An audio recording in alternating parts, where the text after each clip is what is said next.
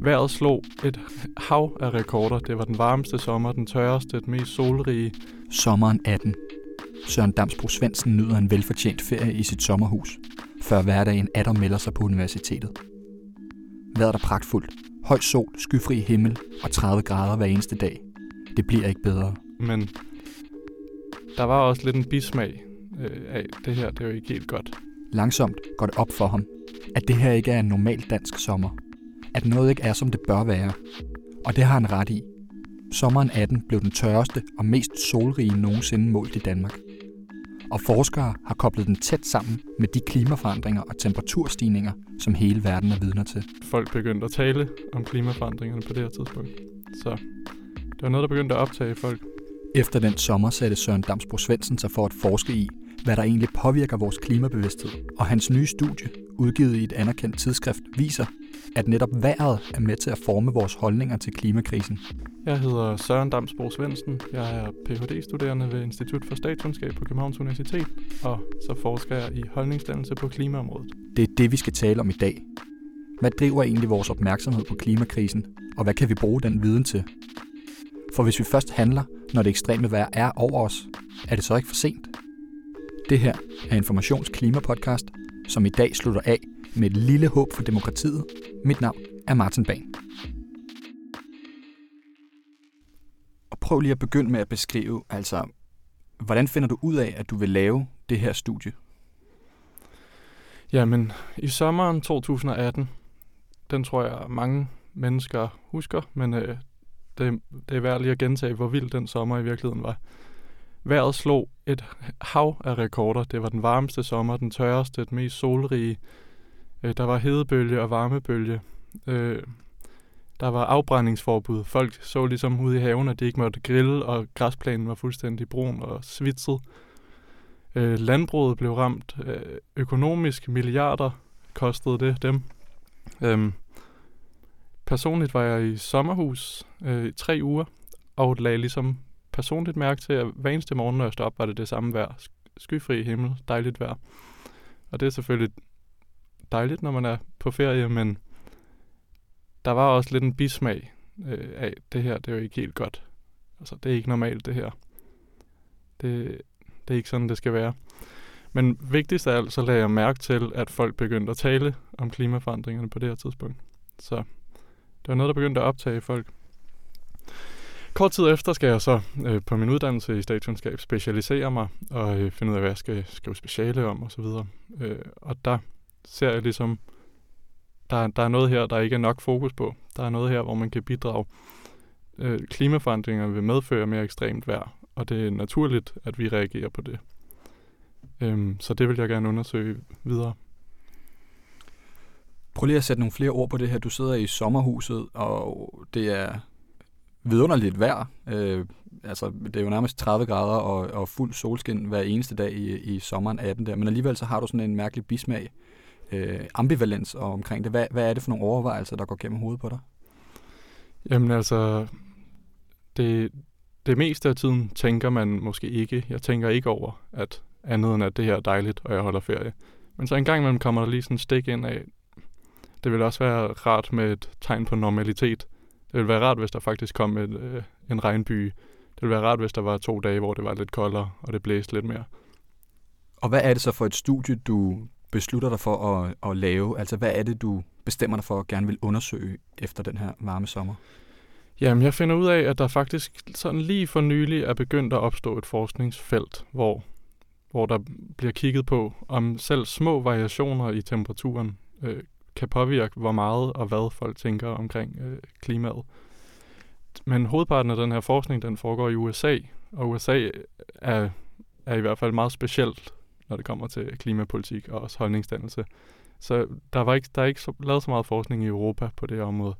Så jeg tænkte, det her, det skal undersøges i Europa også. Det jeg gjorde, det var, at jeg fandt øh, et spørgeskema, hvor 24.000 europæere har svaret på en masse spørgsmål om, hvad de tænker omkring klimaet. Og så gik jeg ind og fandt millioner af vejrobservationer øh, fra tiden før, de har svaret på det her spørgeskema. Så når man kobler de her vejr temperaturobservationer med deres holdninger, så kan man ligesom begynde at se mønstre i, om, om, om positive anomalier, altså om øh, højere temperaturer, end hvad der er normalt, om de faktisk hænger sammen med øh, holdningerne til klimaet, og opmærksomheden på klimaet hos de her personer. Og det hører jo så med, at spørgeskemaet er jo, så, så vidt det er muligt, at det er repræsentativt for europæerne. Øhm, og det hører også med, at vejret er en forholdsvis, øh, det er sådan en tilfældig påvirkning på folk.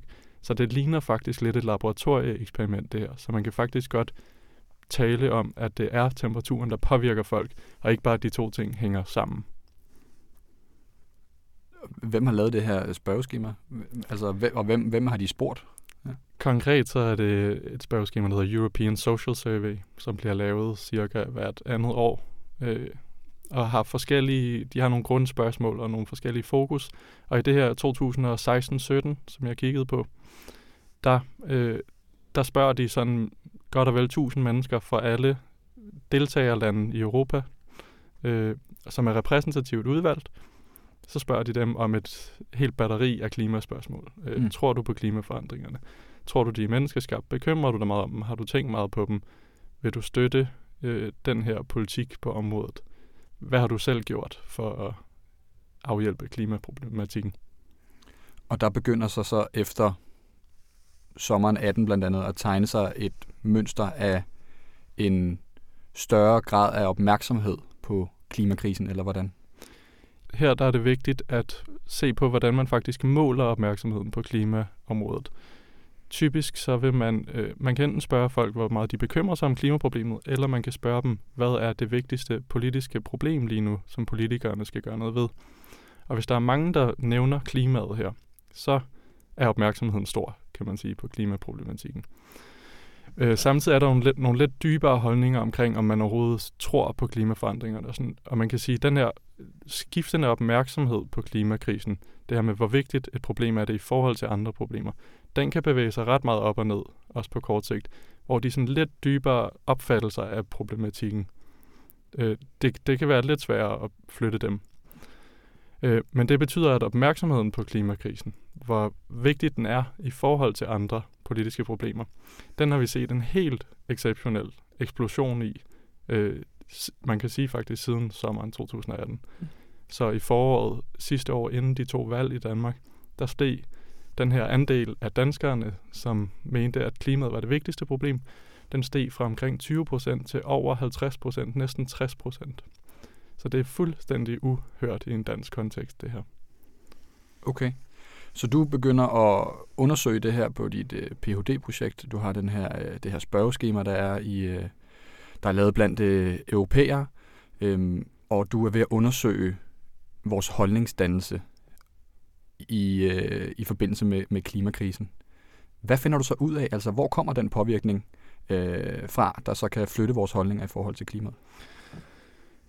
Den påvirkning kommer selvfølgelig for det første fra mange steder, og det er komplekst det her. Øh, det gør en forskel, når politikerne prioriterer det her, når de taler meget om det.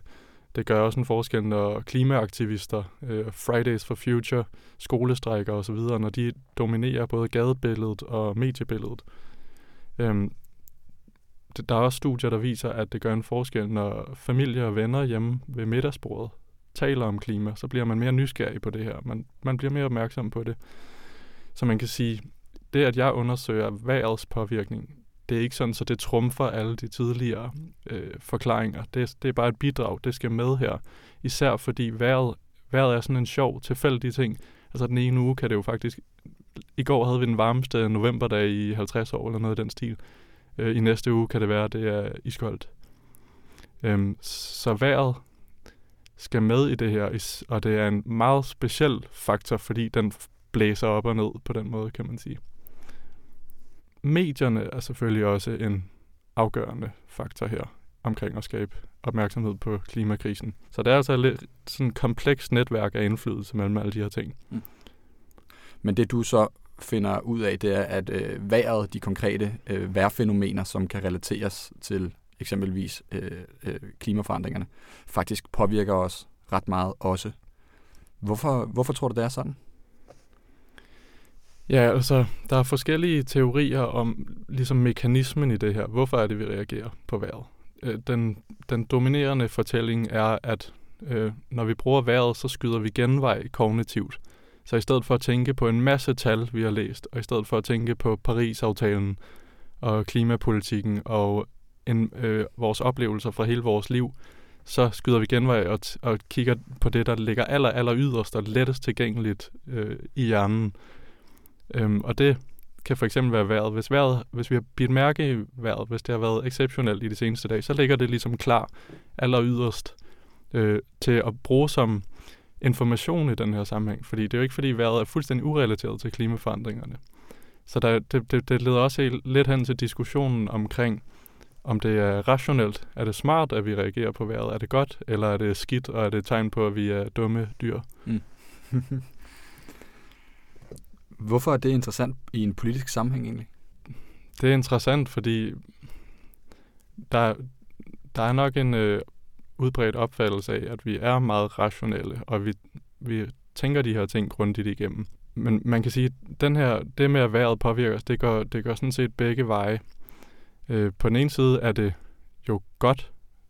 Det er godt, at vi faktisk kan lade os påvirke af, af klimaforandringens konsekvenser, som de her ekstreme vejroplevelser er. Øhm, på den anden side er der mange forskere, der mener, at det faktisk er ret skidt, fordi at, som jeg lige sagde, når vi bruger øh, vejret som ligesom det, vi svarer på vores klimaholdninger ud fra, så betyder det også, at der er nogle ting, der ligger længere dybere begravet i vores hukommelse, som vi ikke bruger. Mm. Så det betyder faktisk, at vi ignorerer meget af den langt bedre information omkring klimaets tilstand, end den seneste uges vejr. Så, altså, så man kan sige, det er jo godt, at det er et godt tegn, at vi reagerer på klimaforandringernes konsekvenser. Og især på længere sigt er det jo heldigt, at det forholder sig sådan. Men samtidig kan det betyde, at vi gør det på bekostning af at reagere på, hvad skal man sige, facts, statistik mm. på området. Og den forskning, du har lavet omkring lige netop det her, som du sidder og taler om her, altså hvad kan, hvad kan vi så bruge den til egentlig, både sådan politisk øh, og også øh, øh, teoretisk i forhold til, hvordan vi kan ja, mobilisere offentligheden øh, på den grønne dagsorden? Man kan sige, at den, den prikker jo i hvert fald lidt til den øh, udbredte myte om, at øh, folks holdninger er noget, der stikker meget dybt, og noget, der tager mange år at, om at udvikle sig, og noget, der er svært at påvirke. Fordi altså, når, når du faktisk kan flytte befolkningens holdninger til det her, simpelthen ved at vejret ændrer sig lidt, hvilket det jo gør hele tiden. Det er også det, der er lidt specielt her. Der er mange andre påvirkninger, som, som er lang tid om at ændre sig, eller som, som det ikke er alle mennesker, der vil blive påvirket af. Vejret er noget, vi alle sammen bliver påvirket af hver dag, og vi vil blive det endnu mere i fremtiden, kan man sige. Men øhm, så det, det, det prikker til den her opfattelse af, at, at øh, holdninger ligger rimelig fast på det her område. Øhm, det betyder jo så også, at man kan sige, at i kommunikationen af klimaforandringer, så har man faktisk mulighed for at benytte sig eller udnytte den her svaghed, eller hvad vi skal kalde det. Øhm, så hvis man appellerer til de her nylige vejrsituationer, eller fortæller anekdoter om ekstremt vejr, viser billeder om ekstremt vejr, så kan det jo være, at man ligesom af den vej kan påvirke folk mere. Der er bare det problem med det her, kan man sige, at omvendt så, altså det gælder også omvendt. Klimaforandringsbenægtere, øh, de, de bruger også jævnligt det her. Især i USA er der en tendens til, at republikanere foretrækker at kalde problemet for global opvarmning frem for klimaforandringer. Fordi global opvarmning reducerer ligesom øh, fænomenet til at være, det har en retning, det er en temperatur, og den går opad. Så så snart at de oplever en meget kold vinter, så peger de ligesom på det og siger, se selv, klimaforandring, eller den globale opvarmning findes ikke, for ellers vil temperaturen gå opad. Mm. Så, så det går ligesom begge veje, og derfor har de måske en pointe, de forskere, der siger, det er i virkeligheden bedre at appellere til facts, eller i hvert fald at koble vejret ind i den større sammenhæng og sige, hvor hyppigt er det her vejr, så det bliver koblet sammen med andre vejrbegivenheder og mm. til den større klimasammenhæng. Det er ligesom Donald Trump, der under et af sine rallies i valgkampen stod, øh, jeg kan ikke huske, hvilken stat det var i, men det var i hvert fald øh, isende koldt, og det styrte ned med regn, og han sagde, hvor er global opvarmning? Vi, we could use some global warming right now, ikke? Altså lad os få det lidt varmere, hvor er den globale opvarmning, ikke? Netop. Ja. Og han sagde netop ikke klimaforandringer, fordi det kunne godt være, at man kunne se klimaforandringerne i det der i ændrede nedbørsmønstre i klimaforandringer er ligesom en bredere palette af fænomener, kan man sige. Ikke? Jo. Og hvad tænker du om det her med graden af ekstremitet i forhold til, til vejret? Altså nu var den varme sommer var jo så øh, abnormt varm sammenlignet med, med tidligere sommer, vi har haft. Øh, tidligere sommer, vi har haft. Og Sidste vinter, der så vi nogle af de mest omfattende oversvømmelser i nyere tid i Danmark, der ramte øh, Jylland og, og Fyn specielt. Men vi havde jo også sidste efterår, som Danmarks Meteorologisk Institut kaldte det århundredets længste efterår. Ikke? Altså der kom så meget nedbør i Danmark øh, i perioden fra september øh, 19 til, øh, til marts øh, 2020. Ikke? Men, men det er jo mere sådan, altså det er jo ikke så ekstremt øh, på samme måde. Det er jo mere en, en mild øh, altså mild ændring i vejret på en eller anden måde. Ikke? Altså kan det også rykke noget, tror du, eller, eller går det så forbi vores næse, fordi vi ikke rigtig kan se det? Altså efterår i Danmark, det regner. Jo jo, det, det er vi vant til, ikke?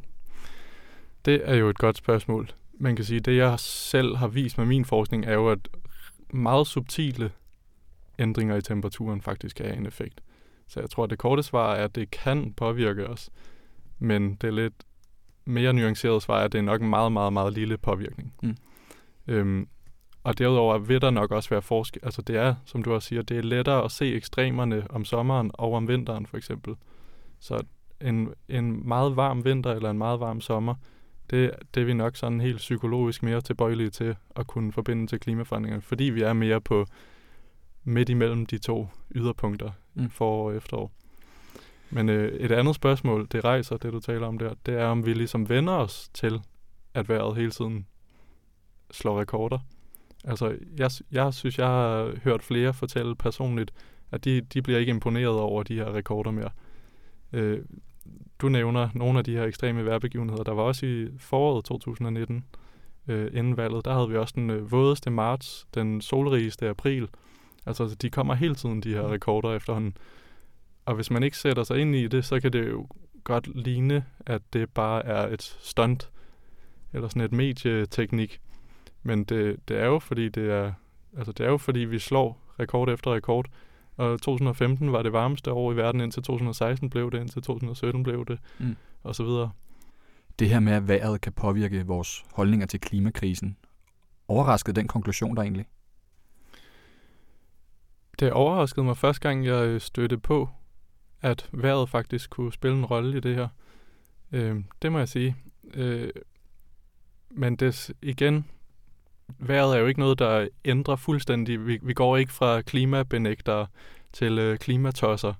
Så, så ekstremt er det ikke. Det er små, subtile forskelle. Så når man, når man ser sådan på tallene og størrelsen på de her effekter, så, altså, så giver det jo god mening. Altså, der er jo også der er en masse psykologisk forskning, der viser, hvordan forskelle i vores humør øh, som jo også kan være rimelig tilfældigt, det påvirker, hvad vi mener om alt muligt. Øh, om vi sidder og nikker eller ryster på hovedet, mens vi forholder os til et eller andet, det påvirker, om vi er positivt eller negativt øh, indstillet over for det.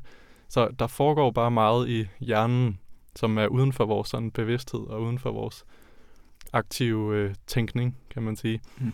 Så når man har den der psykologiske vinkel på det, så overrasker det mig nok ikke så meget. Men at det ligesom er en, er en øh, hvad skal man sige, konsistent øh, er, en, er en ting, der påvirker folk vejret øh, i, i de fleste lande og til de, på de fleste tidspunkter. Det, det synes jeg, det er vildt. Mm. Jeg kan ikke lade være med at tænke på øh, den her britiske historiker og Cambridge-professor David Runciman, som har talt om den her handlingslammelse, vi som demokratiske samfund har over for at agere på, på klimakrisen. Og han siger det her med, at klimakrisen jo kræver, at vi handler på en trussel, øh, hvis konsekvenser vi først kan mærke om måske årtier, ikke? Øh, og det har demokratier historisk haft svært ved at gøre, når det er noget, vi ikke ligesom kan se truslen foran os. Øh, risikoen er jo så bare, at til den tid kan det være for sent at begynde at handle på det. Altså, hvordan, hvordan ser du sådan det i sammenhæng med, med det forskningsstudie, du har lavet? Ja, altså, det er, jo, det er jo et strukturelt problem for demokrati, det der, at vi har øh, i de fleste demokratier en 4-5-årige valgperioder, øh, øh, hvor man, man kan sige, øh, omkostningerne ved at tage sig af det her problem, de vil jo ligge nu, eller de vil ligge, når man begynder at gøre det. hvor løsningen, altså det vi får ud af det, den vil ligge om lang tid. Men øh, det her, den her, det her forskel, forskellen mellem, hvornår omkostningen ligger, og hvornår øh, vi, vi får, får noget ud af det, den, den, den begynder at snævre ind, det her spænd, fordi vi begynder at se konsekvenserne af klimaforandringerne. Øhm, så, så i den sammenhæng, så øh, giver det rigtig god mening at forstå mit studie i lys af det. Øhm, min, min pointe er ligesom, at øh, vejret vil blive mere og mere ekstremt. Øh, det, det er klimaforskningen, der fortæller det. Det er ikke min pointe. Mm. Men, og når den gør det, så er det jo godt, at vi faktisk reagerer på det her. Så det, det, det giver ligesom et lille håb for demokratiet, kan man måske endda også sige. Spørgsmålet er så, om det er på bekostning, som vi talte om tidligere, af nogle lidt dybere overvejelser, om det hurtigt kan gå den anden vej. Altså om det her... Jeg, jeg håber jo, at, den, at vi, vil, altså, vi vil blive bedre og bedre til at forholde os til vejret, og også sætte det ind i en større kontekst. Mm. Øh, men det er jo i virkeligheden øh, gætværk. Mm. Således opløftet af et lille håb for demokratiet. Søren Damsbo Svendsen, tak fordi du kom. Selv tak. Tak til Søren Damsbo Svendsen, og tak til dig, der lyttede med. Dagens afsnit er klippet af Anne Pilegaard, og med i redaktionen er også Anson Geist og Louise Drivsholm. Vi lyttes ved.